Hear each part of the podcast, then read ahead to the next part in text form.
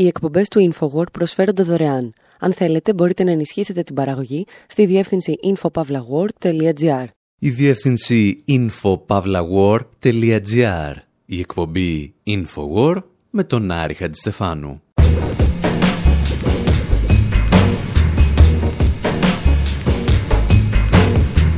Όπου σήμερα νομίζουμε ότι εμπνεόμαστε από τον άρχοντα των δαχτυλιδιών, ενώ στην πραγματικότητα παρακολουθούμε το Minority Report.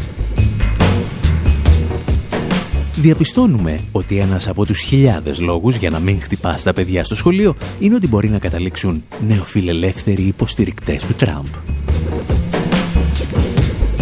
παρακολουθούμε μια εταιρεία που γεννήθηκε σαν παιδί της CIA να φτάνει στο Μέγαρο Μαξίμου στα χρόνια της δυναστείας του Μητσοτάκη του δεύτερου, του Ανέμελου. Διηγούμαστε τη σκοτεινή ιστορία της εταιρείας Palantir και τις υπόγειες διαδρομές της στο χώρο της πληροφορικής, της αστυνόμευσης και των μυστικών υπηρεσιών.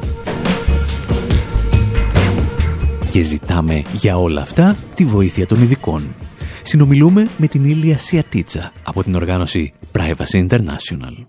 ¿Has observado a alguien que no sabe que le observas? Una anciana sentada en un autobús o niños que van al colegio. Y ves ese resplandor que les invade. A ver si queda bien, no lo sé, pero es que esa letra me gusta mucho, ¿vale? Sí, sí. Lo que hago observar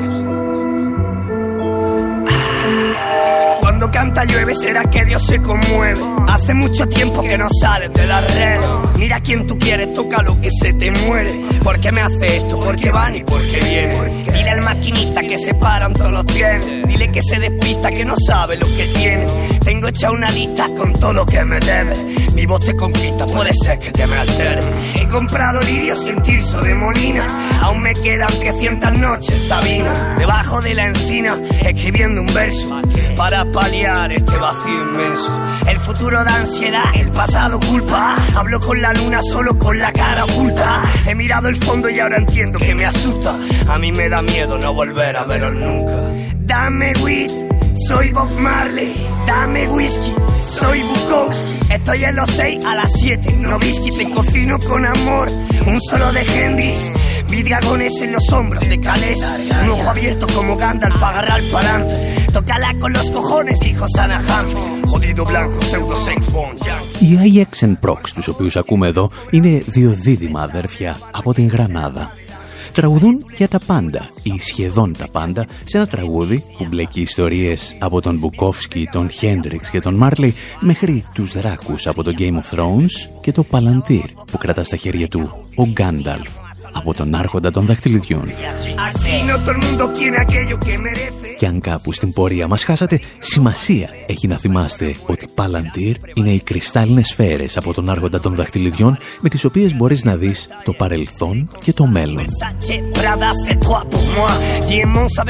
Και για να μην νομίζετε ότι είμαστε τίποτα αμόρφωτοι, να επισημάνουμε ότι στα κουένια, δηλαδή μία από τις γλώσσες που δημιούργησε ο Τόλκιν στον άρχοντα των δαχτυλιδιών, Παλαντήρ είναι ο ενικός.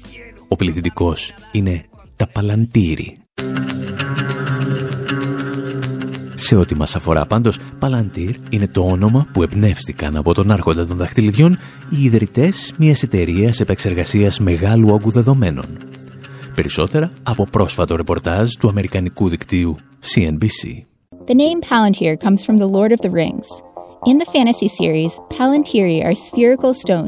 το όνομα Palantir προέρχεται από τον άρχοντα των δαχτυλιδιών.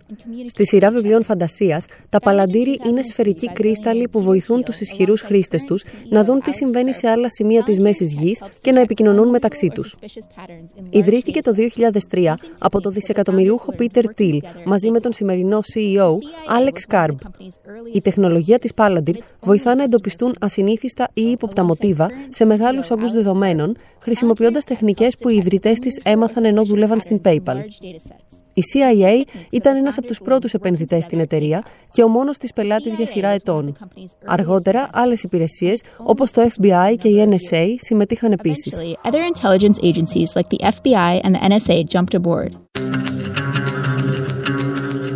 Το να έχεις τη CIA σαν μοναδικό πελάτη για κάποια χρόνια είναι τουλάχιστον ύποπτο. Το να έχεις δημιουργηθεί όμως από επενδύσεις στη CIA είναι άλλο επίπεδο. Τα εξηγούσε πρόσφατα ο Αμερικανός δημοσιογράφος και συγγραφέας Robert Sear, μιλώντας στο Real News Network. Now, the CIA is still under congressional uh, restriction not to be spying on American. Η CIA είναι υποχρεωμένη από το Κογκρέσο να μην κατασκοπεύει Αμερικανούς πολίτες. Υποτίθεται ότι μπορούν να το κάνουν μόνο έξω από τα σύνορα. Είναι το FBI που πρέπει να μας παρακολουθεί. Εν τούτη, η CIA δημιούργησε την InQtel και επένδυσε σε μια πληθώρα εταιριών της Silicon Valley. Μία από αυτές ήταν η Palantir, ένας μυστηριώδης ακόμα ιδιωτικός οργανισμός. Η Palantir, όπως η Amazon, λειτουργούσε σαν σύμβουλος και συνεργάτης της Αμερικανικής κυβέρνησης στα πρώτα τρία χρόνια της ύπαρξής της. Η CIA ήταν ο μοναδικός τους πελάτης. Σήμερα η Palantir είναι συνδεδεμένη με όλες τις μυστικές υπηρεσίες και το κάνει με ακόμη πιο εμφανή τρόπο, ακόμη και σε σχέση με την Amazon. Η Palantir είναι ενεργά αναμεμειγμένη στην εχώρια αστυνόμευση, συνεργαζόμενη με περίπου 70 αστυνομικά τμήματα σε όλη τη χώρα.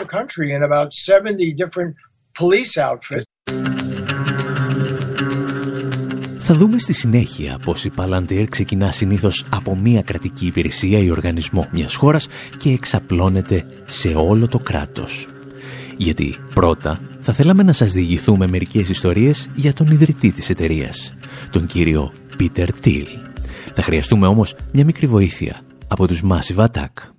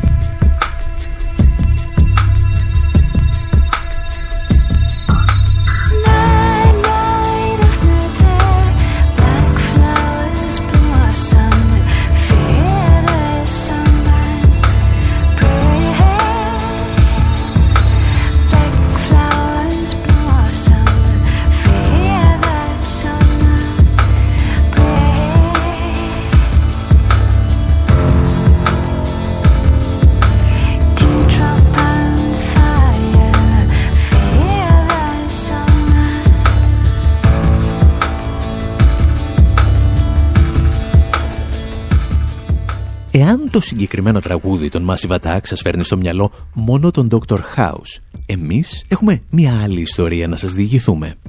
Σκηνές από το βίντεο κλιπ του τραγουδιού χρησιμοποιήθηκαν στην τελευταία ταινία Mad Max, ο δρόμος της οργής.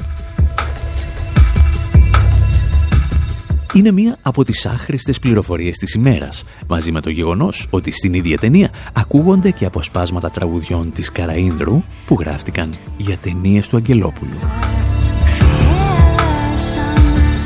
Η τρίτη και πιο σημαντική άχρηστη πληροφορία είναι ότι τα γυρίσματα της ταινίας έγιναν στο Σουάκομπαν της Ναμίμπια. Και σε αυτή την περιοχή του πλανήτη που μπορεί να γίνει το φόντο μιας δυστοπικής ταινίας έζησε αρκετά από τα παιδικά του χρόνια ο Πίτερ Τιλ, μετέπειτα δημιουργός της εταιρείας Palantir. Στο σχολείο του Τιλ τα παιδιά φορούσαν στολή και οι καθηγητές τα χτυπούσαν στα χέρια με ξύλινους χάρακες. Και ο Τιλ που μισούσε λέει την ομοιογένεια της στολής και την πειθαρχία απέναντι στην εξουσία αντέδρασε και μεγαλώνοντας έγινε οπαδός του ατομικισμού και του ακραίου νεοφιλελευθερισμού. Έγινε δηλαδή libertarian. Το οποίο είναι μια ωραία φράση να γράψουμε στον επικίδιό του όταν πεθάνει. Αλλά δυστυχώς δεν έχει καμία σχέση με την πραγματικότητα. Ο Τιλ, ακριβώς επειδή ήταν ατομικιστής και νεοφιλελεύθερος, βοηθά τώρα ανθρώπους με στολές να επιβάλλουν την εξουσία των οικονομικών ελίτ μέσω της απόλυτης πειθαρχίας. Και όλα αυτά κατάφερε να τα συνοψίσει σε μία φράση όταν έλεγε ότι η ελευθερία δεν είναι πλέον συμβατή με τη δημοκρατία. Με αυτά και με αυτά δεν ήταν φυσικά τυχαίο ότι ήταν και ένας από τους βασικότερους χρηματοδότες του Ντόναλτ Τραμπ πριν από το 2016. Ο Πίτερ Τιλ θα διαπρέψει επιχειρηματικά συμμετέχοντας σε ορισμένες από τις πιο επιτυχημένες εταιρείες των τελευταίων δεκαετιών. Ανάμεσά τους ονόματα όπως η PayPal και η Facebook. Και όταν θα αρχίσει να ιδρύει τις δικές του εταιρείες, θα δώσει σε όλες ονόματα τα οποία εμπνέεται από τον άρχοντα των δαχτυλιδιών, του Τόλκιν. Εμείς πάλι πιστεύουμε ότι θα ήταν καλύτερα να εμπνέεται από ταινίες όπως το Minority Report με τον Tom Cruise και θα εξηγήσουμε γιατί αφού πρώτα ακούσετε αυτό.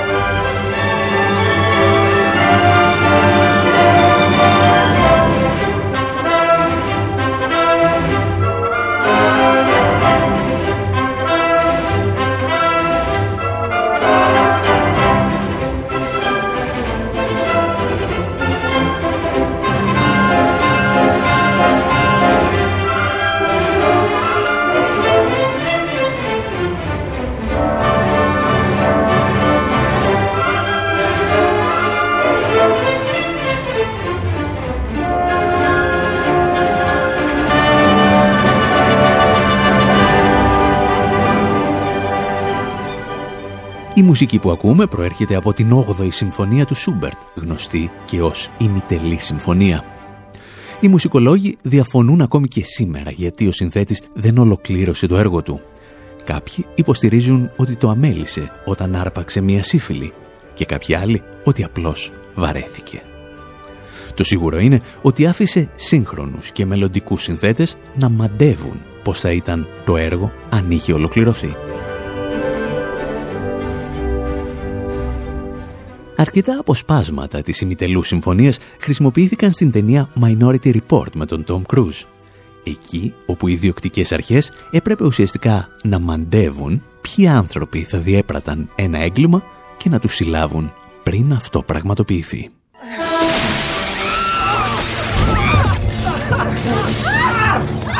my mandate of the District of Columbia Pre-Crime Division Κύριε Μάρξ, με την εξουσία που μου παρέχει η προεγκληματική μονάδα της περιφέρειας Κολούμπια, σας συλλαμβάνω για το μελλοντικό φόνο της κυρίας Μάρξ και του κυρίου Ρούμπιν, ο οποίος θα πραγματοποιούνταν σήμερα στις 8 και 4 πρώτα λεπτά προ-μεσημβρίας.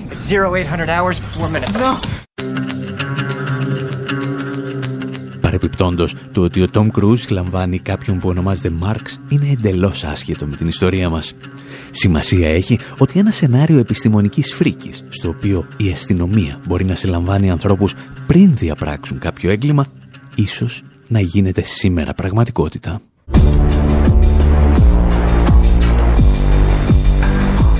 Η ταινία του Spielberg στηρίχθηκε σε ένα μυθιστόρημα με τον ίδιο τίτλο από το μακρινό 1956.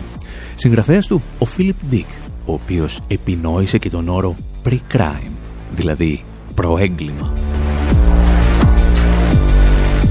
Η ιδέα παραπέμπει και στην αστυνομία σκέψης του Orwell. Δυστυχώς όμως δεν αφορά μόνο την μυθοπλασία, αλλά και την ψευδοεπιστήμη. Από τα μέσα του 19ου αιώνα, ο Ιταλός εγκληματολόγος Τσεζάρε Λομπρόσο υποστήριζε ότι η τάση προς το έγκλημα είναι γραμμένη στο DNA μας. Πίστευε μάλιστα ότι μπορεί να εντοπίσει έναν εγκληματία από τα χαρακτηριστικά του προσώπου του. Αργότερα στη ζωή του, ο Λομπρόσο άρχισε να πιστεύει και σε πνεύματα. Καθόταν σε στρογγυλά τραπεζάκια κάνοντας τηλεδιασκέψεις με τον άλλο κόσμο. Ήταν το WebEx της εποχής, στο οποίο διάφοροι δύσμυροι κάθονταν σε ένα τραπέζι και φώναζαν «Γιώργο, μας ακούς; Εμείς δεν σε βλέπουμε. Αν ακούς, στείλε μας κάποιο σήμα».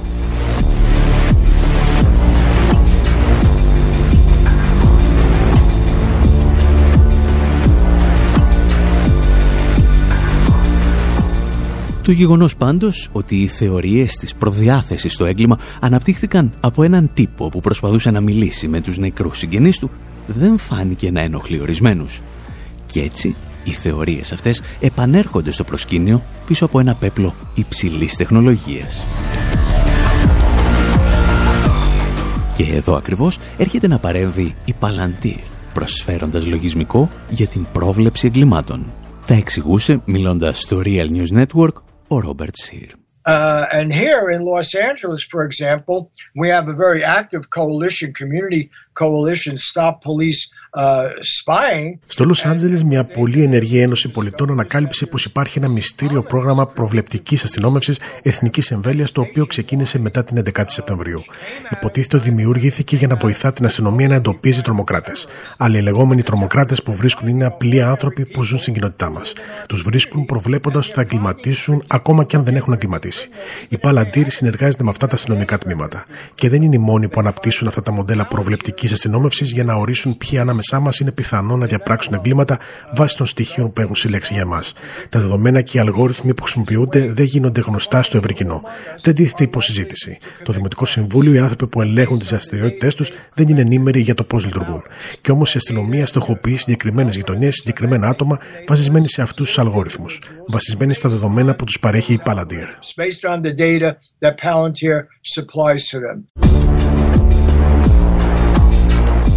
Το συγκεκριμένο θέμα είχε απασχολήσει και το δίκτυο CNBC, το οποίο μάλιστα θεωρούσε ότι η τόσο στενή συνεργασία της Palantir με την αστυνομία είναι ενδεικτική της ηθικής και της ιδεολογίας των στελεχών της και κυρίως του Διευθύνοντος Συμβούλου της εταιρείας, του Alex Karp. CARP's ethos also holds true for Palantir's work with police departments from New York City to Los Angeles. Η ηθική του CARP ισχύει και για τη συνεργασία της Palantir με αστυνομικά τμήματα από τη Νέα Υόρκη μέχρι το Λος Άντζελες, τη Νέα Ορλεάνη και το Σικάγο.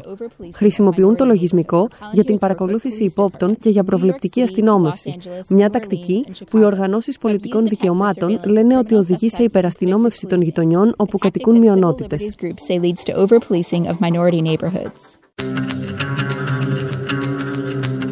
Μια εταιρεία λοιπόν η οποία ιδρύθηκε με κεφάλαια της CIA προσφέρει λογισμικό το οποίο μπορεί να χρησιμοποιηθεί για την σύλληψη ανθρώπων οι οποίοι ακόμη δεν έχουν διαπράξει κανένα έγκλημα.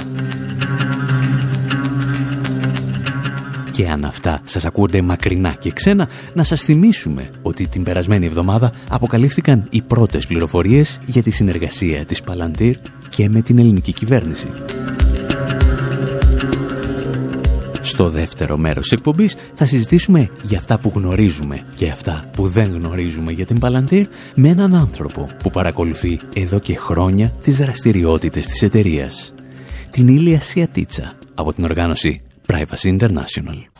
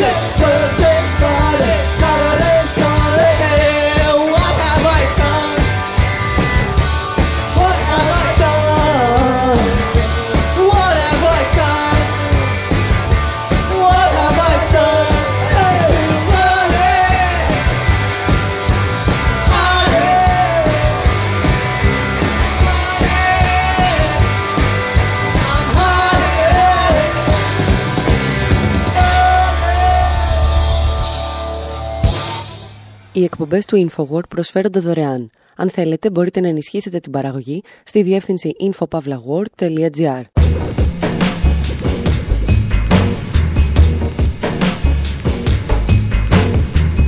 Εκπομπή InfoWord, μέρος δεύτερο.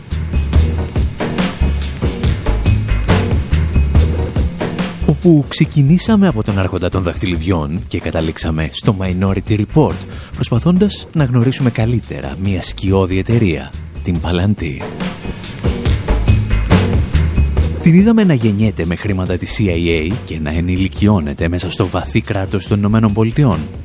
Και ύστερα την παρακολουθήσαμε να βοηθά ανθρώπους που πιστεύουν ότι μπορείς να ελέγχεις τους πολίτες για εγκλήματα που δεν έχουν διαπράξει ακόμη. Και όταν μάθαμε ότι πλέον συνεργάζεται και με την ελληνική κυβέρνηση, σκεφτήκαμε να επικοινωνήσουμε με κάποιους ανθρώπους που κάνουν τα στελέχη της Palantir να χάνουν τον ύπνο τους. Την Privacy International, μία από τις σημαντικότερες οργανώσεις για την προστασία της ιδιωτικότητας.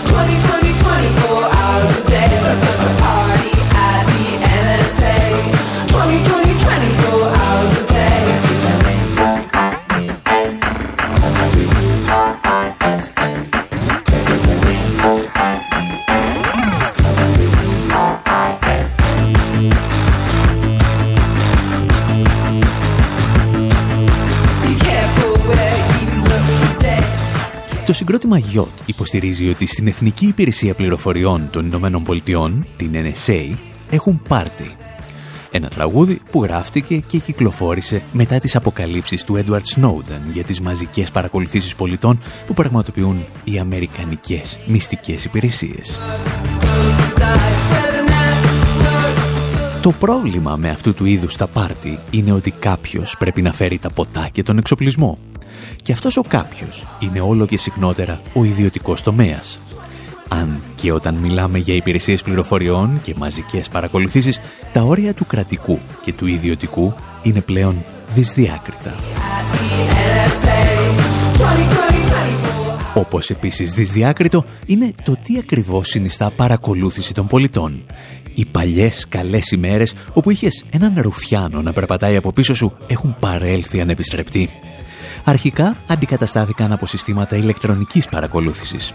Και σήμερα έχουμε φτάσει στην επεξεργασία μεγάλου όγκου δεδομένων που θα μπορούσε να προσφέρει πολύτιμες πληροφορίες για μοτίβα που εμφανίζονται στην κοινωνία ή την οικονομία μιας χώρας.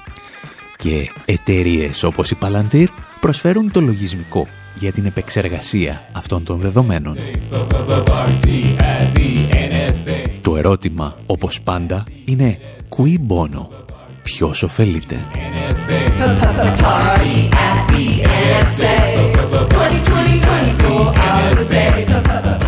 Πριν από μερικές ημέρες έγινε γνωστό ότι η ελληνική κυβέρνηση συνεργάζεται με την εταιρεία Palantir, χωρίς όμως ποτέ να το ακούσουμε από επίσημα κυβερνητικά χείλη. Η σκέψη των περισσότερων πήγε απευθεία στην επεξεργασία μεγάλου όγκου δεδομένων σχετικά με την εξάπλωση του κορονοϊού. Και επειδή η ελληνική κυβέρνηση δεν εξηγεί τι ακριβώς περιλαμβάνει η συμφωνία και πού καταλήγουν αυτά τα δεδομένα που αφορούν εκατομμύρια ανθρώπους, σκεφτήκαμε να δούμε τι γνωρίζουμε από τη διεθνή εμπειρία. Γι' αυτό προσεγγίσαμε τη διεθνή οργάνωση Privacy International, που καταγράφει εδώ και χρόνια τις εξελίξεις στον τομέα. Το Infowars συνάντησε στη Γενέβη την διευθύντρια του προγράμματος μαζικών παρακολουθήσεων της Privacy International, Ήλια Σιατίτσα. Και η πρώτη μας ερώτηση ήταν «Τι είστε εσείς» Η Privacy International είναι μια μη κερδοσκοπική οργάνωση που ιδρύθηκε το 1990 και εδρεύει στο Λονδίνο. Δουλεύουμε και εξετάζουμε κυρίως θέματα που έχουν σχέση με ανθρώπινα δικαιώματα και νέες τεχνολογίες. Το κέντρο οποιασδήποτε δράσης μας είναι το δικαίωμα στην ιδιωτικότητα, αλλά όσο οι δυνατότητες τόσο κυβερνήσεων όσο εταιρεών να μας παρακολουθούν και να εκμεταλλεύονται τα δεδομένα που εμείς παράγουμε ε, αυξάνονται και επεκτείνονται τόσο αλλάζουν και μεταμορφώνται και οι συνέπειες που έχουν ε, αυτές οι δράσεις όχι μόνο για το δικαίωμα στην ιδιωτικότητα αλλά για οποιαδήποτε άλλη, άλλη πλευρά της ζωής μας. Οπότε με αποτέλεσμα και οι δράσεις της οργάνωσης ενώ στην αρχή των 90 ήταν πολύ πιο στοχευμένες σε ζητήματα ιδιωτικότητας αυτή τη στιγμή κοιτάμε ένα πολύ ευρύτερο πεδίο. Πιθανότατα λόγω μετριοφροσύνης τα μέλη της Privacy International δεν θα σας πούν πως είναι κάτι περισσότερο από μια μη κερδοσκοπική οργάνωση για την προστασία της ιδιωτικότητας. Στην πραγματικότητα είναι ένας από τους μεγαλύτερους πονοκεφάλους που μπορούν να φανταστούν κράτη και εταιρείες που αποφασίζουν να παραβιάσουν τα δικαιώματα των πολιτών τους. Και αυτό το γνωρίζουν πολύ καλά άνθρωποι όπως ο Τόνι Μπλερ και εταιρείες όπως η Google που συγκρούστηκαν μαζί της. Κάθε φορά μάλιστα που η Privacy International πιάνει στο στόμα της την Palantir, στο νομικό τμήμα της εταιρείας σημαίνει συναγερμός. Και αυτό γιατί, όπως μας εξηγεί η Ήλια Σιατίτσα, η Palantir δεν τα πηγαίνει πολύ καλά με τη διαφάνεια και πολλά από τα συμβόλαια που υπογράφει αποτελούν αυτό που οι Αγγλοσάξονες θα αποκαλούσαν backroom deals, παρασκηνιακές συμφωνίες. Το πρόβλημα αρκετά συχνά είναι ότι πρέπει να ψάξεις πάρα πολύ για να βρεις αυτά τα συμβόλαια. Και αν χρειάζεται να φας ένα χρόνο ψάχνοντας για να γράψεις πέντε σελίδες σε μία αναφορά, αυτό δεν λέγεται διαφάνεια. Αυτό ήταν και το ενδιαφέρον, για παράδειγμα, όταν αναφέραμε κάποια στιγμή ότι η συγκεκριμένη εταιρεία υπογράφει backroom deals κτλ. Ε, η εταιρεία μας απάντησε όχι, με ένα απλό Google Search αυτή η συμφωνία υπάρχει εδώ, εδώ και εδώ. Ε, όταν ψάξεις λίγο παρακάτω και ξαναδείς το αρχικό άρθρο που είχε δημοσιεύσει για τη συνεργασία συγκεκριμένα με την αστυνομία της Νέας Ορλεάνης στην Αμερική, ε, ανακαλύπτεις ότι το συμβόλαιο δεν το είχε λάβει η εταιρεία με τις συνήθεις διαδικασίες. Μία εταιρεία λοιπόν, η οποία συχνά δρά στο παρασκήνιο, υπέγραψε κάποια συμφωνία με την ελληνική κυβέρνηση, την οποία εμείς πληροφορηθήκαμε με καθυστέρηση 8 μηνών. Και εάν αναρωτιέστε τι μπορεί να πάει στραβά, η απάντηση είναι τα πάντα. Θα εξετάσουμε τι πήγε στραβά σε άλλες χώρες, ύστερα από αυτό.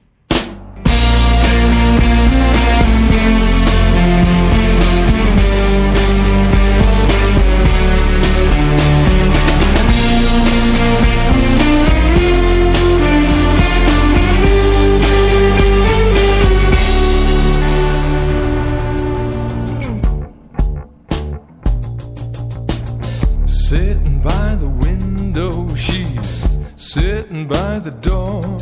Her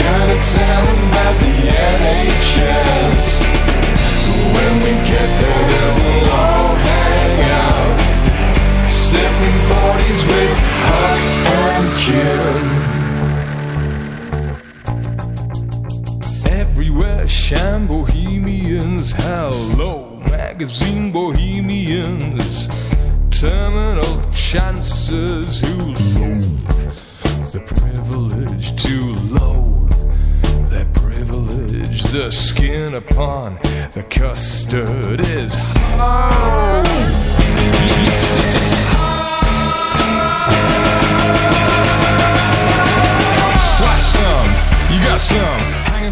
Οι Φρανς Φέρντιναντ θα ταξίδευαν, λέει, μέχρι την Αμερική για να εξηγήσουν πώς λειτουργεί το NHS, το Βρετανικό Σύστημα Υγείας.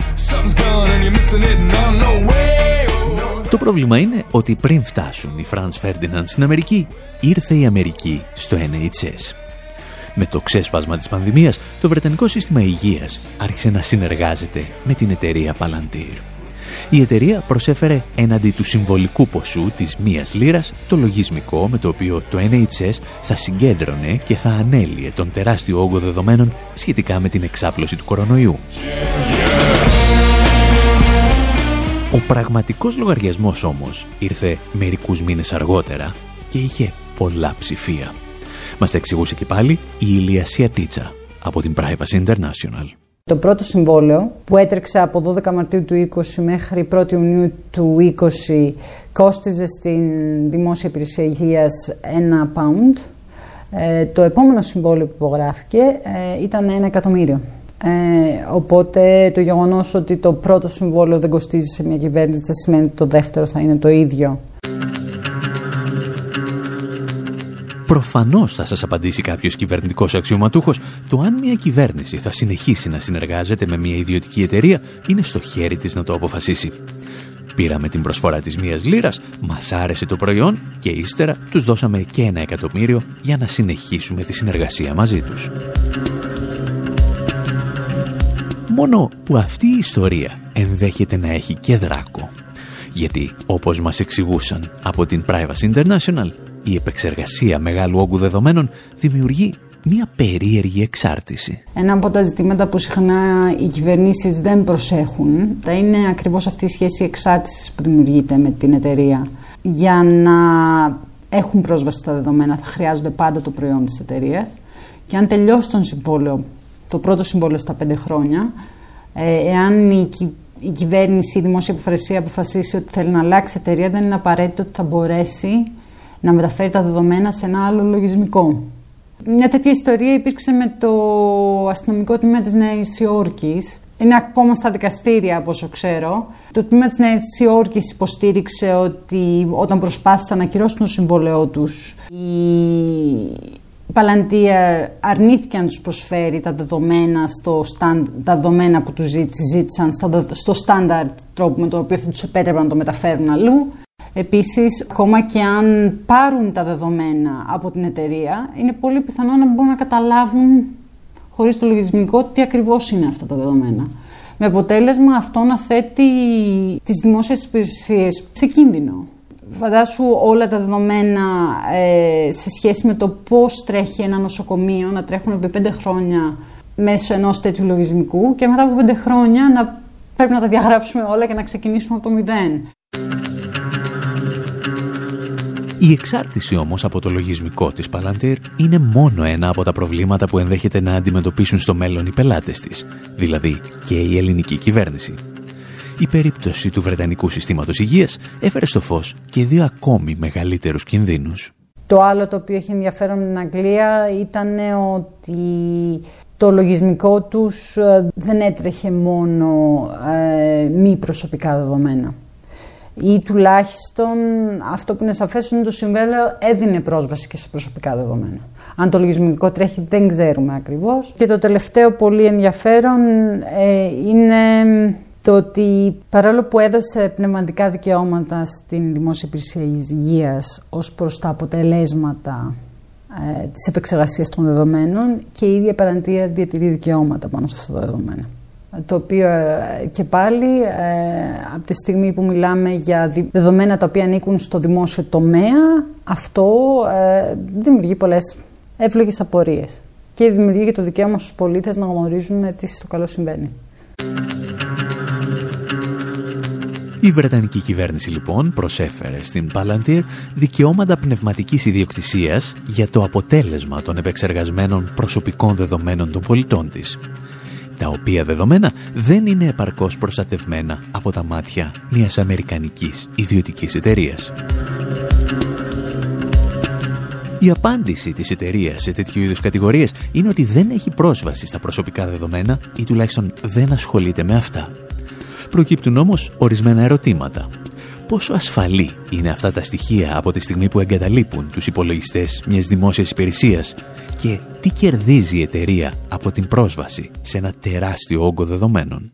Η εταιρεία θα προσφέρει το λογισμικό της και μετά τα δεδομένα θα τρέξουν μέσα από το λογισμικό. Το λογισμικό λειτουργεί μαζί με το cloud. Οπότε δεν ξέρουμε αυτή τη στιγμή με ποιο τρόπο ένα λογισμικό το οποίο χρειάζεται το διαδίκτυο για να λειτουργήσει με ποιο τρόπο αυτά τα δεδομένα παραμένουν παρόλα αυτά εντός των κυβερνητικών συνόρων ε, συσσαγωγικά.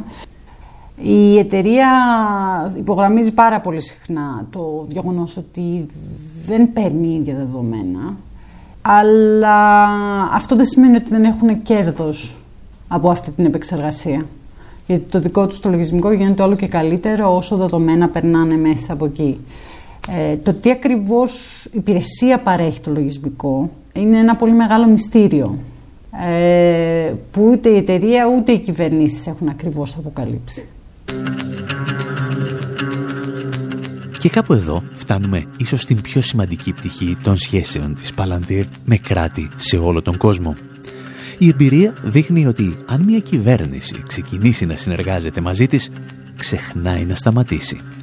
Και έτσι, μια ιδιωτική εταιρεία που ιδρύθηκε με κεφάλαια της CIA κάνει μετάσταση σε ολόκληρο τον κρατικό μηχανισμό. Αυτό που τουλάχιστον είδαμε πιο πρόσφατα στην Αγγλία, ε, όπου υπέγραψαν συμβόλαιο με τη Δημόσια Υπηρεσία Υγείας, Υγείας της Αγγλίας, την NHS, είναι ότι η Palantir δεν, είχε, δεν έχει συμβόλαιο μόνο με την αρχή, ε, με το Υπουργείο Υγείας, ας το πούμε, αλλά έχει επίσης συμβόλαια με το, την κυβέρνηση, το Cabinet Office, κάτω από το οποίο επίσης υπάρχει και η αρχή μετανάστευσης και το λογισμικό της Παλαντήρια τρέχει και εκεί ε, ένα, θα τρέχει και εκεί ένα κομμάτι, είναι καινούρια η συμφωνία.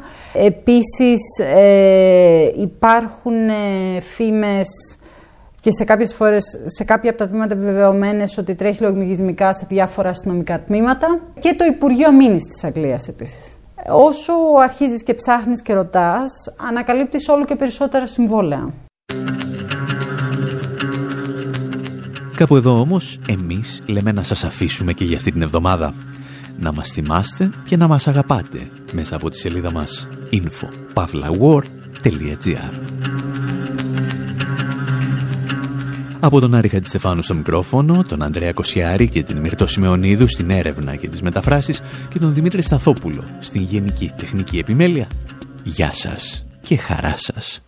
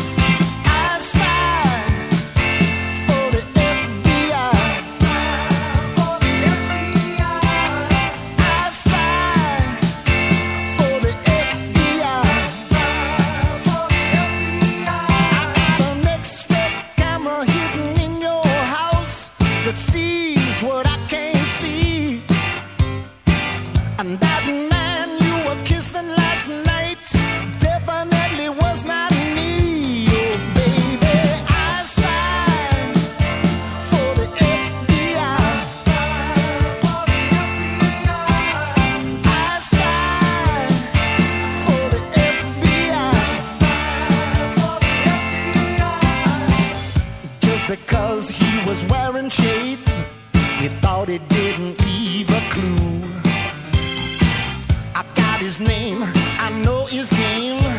He's double O.